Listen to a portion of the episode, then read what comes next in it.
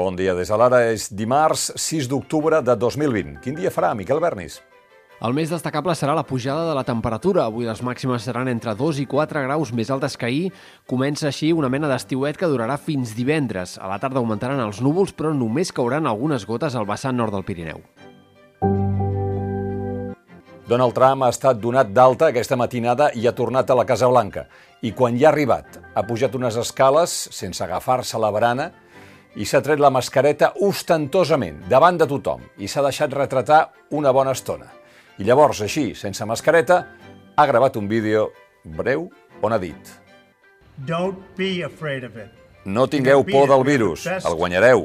Tenim el millor equipament mèdic, tenim els millors medicaments, tots desenvolupats recentment, i el vencereu. Jo ho he fet, no em trobava gaire bé, i ara, des de fa dos dies, em trobo molt bé, millor que en molts anys, millor que fa 20 anys. No us deixeu dominar pel virus. Som el país més important del món.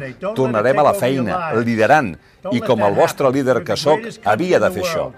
Ja sé que hi ha un risc en això, però ho havia de fer. As your leader, I had to do that. I knew there's danger to it, but I had to do it.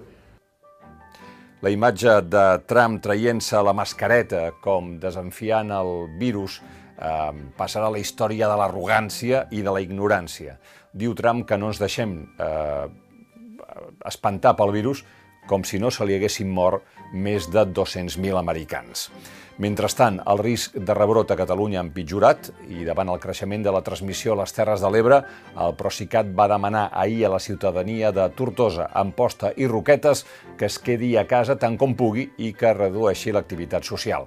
Un altre dels punts del territori que Salut controla de prop és Sal, el gironès, i per intentar traçar cadenes de contagis, el govern farà un cribatge massiu a tots eh, els centres educatius de Sal, a totes les escoles, tant els alumnes com el personal.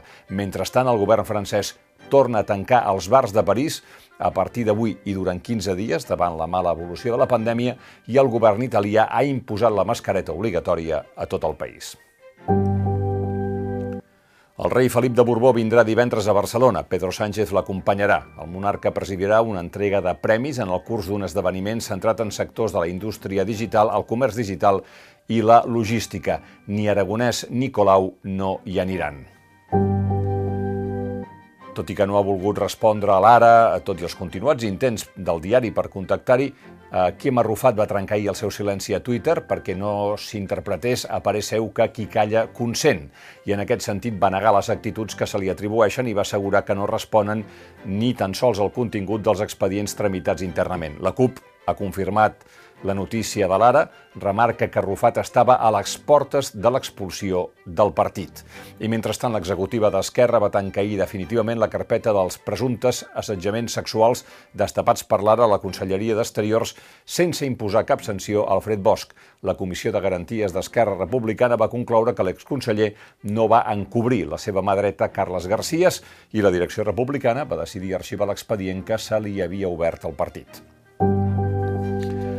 Després de la fusió CaixaBank-Bànquia, el Banc Sabadell va continuar rebent pressió dels mercats per forçar una fusió. En els últims mesos s'ha deixat, en l'últim mes s'ha deixat un 21% del seu ja escarrencit valor. Doncs bé, mentre les quinieles se succeeixen per saber quin serà el seu company de ball, el Confidencial publicava ahir que el Sabadell ha explorat de manera preliminar una fusió amb el basc CaixaBank. Aquesta operació tindria eh, la virtut de mantenir el Sabadell com a clara entitat més gran a l'hora de discutir la fusió. A les pàgines d'opinió, l'historiador Joan Beculla critica l'afirmació del president Torra conforme l'autonomia és l'obstacle o un dels obstacles de la independència. Culla afirma que aquesta idea, que només una societat oprimida fins a l'extrem estarà disposada a fer el salt cap a la independència, és inaplicable a la Catalunya del segle XXI. Ahir es van anunciar els Premis Nacionals de Cultura. Els guardonats del 2020 són la cantant Maria del Mar Bonet, la residència artística Centre d'Art i Natura de Ferrera, la directora i guionista de cinema Carla Simón, la companyia de teatre El Tricicle i el projecte de cultura inclusiva Xamfrà. Enguany, el Consell de Nacional de les Arts i la Cultura ha premiat només cinc entitats i personalitats després de retallar el nombre de guanyadors que en altres edicions havien arribat a ser 10 o fins i tot més. L'objectiu, diuen, és augmentar la visibilitat i el prestigi dels premis en el si de la societat. I en cultura, una sentència judicial que pot ser una bestiesa artística i patrimonial. L'Audiència d'Osca ha confirmat la sentència que va condemnar fa gairebé 4 anys la Generalitat i el Museu Nacional d'Art de Catalunya a retornar aquestes pintures murals romàniques de la sala capitular del monestir de Sixena. La Generalitat i el Manac recorreran la decisió del Suprem. Dic que és una bestiesa perquè si s'arrenquen aquestes pintures, que ja són gairebé una pel·lícula molt fina, perquè es van cremar a Sixena el mateix juliol del 36, adeu pintures. Aquesta nit ha quedat tancat el mercat de fitxatges d'estiu, el Barça no ha fitxat ningú perquè no té diners per fitxar. I mentrestant ahir el club va informar que la financera Goldman Sachs pagarà les obres de construcció del nou Camp Nou i del nou Palau Blaugrana. I posaria més de 800 milions que el club tornaria a raó de 50 milions cada any durant els primers 25 anys amb els beneficis que obtingués de l'explotació de les instal·lacions. Escriu l'Albert Limós aquest matí que el deute del Barça és molt gran, 820 milions. La xifra més preocupant és que el Barça preveia ingressar 1.059 milions si no hi hagués hagut Covid, però hauria generat 2 milions d'euros de benefici després d'impostos. I encara gràcies, perquè es tractaria d'un benefici íntim, ínfim perdó, gràcies a l'enginyeria comptable a què ens ha acostumat el Barça els últims anys. Diu el Llimós que aquest és el problema real del Barça, que és un gegant amb peus de fang.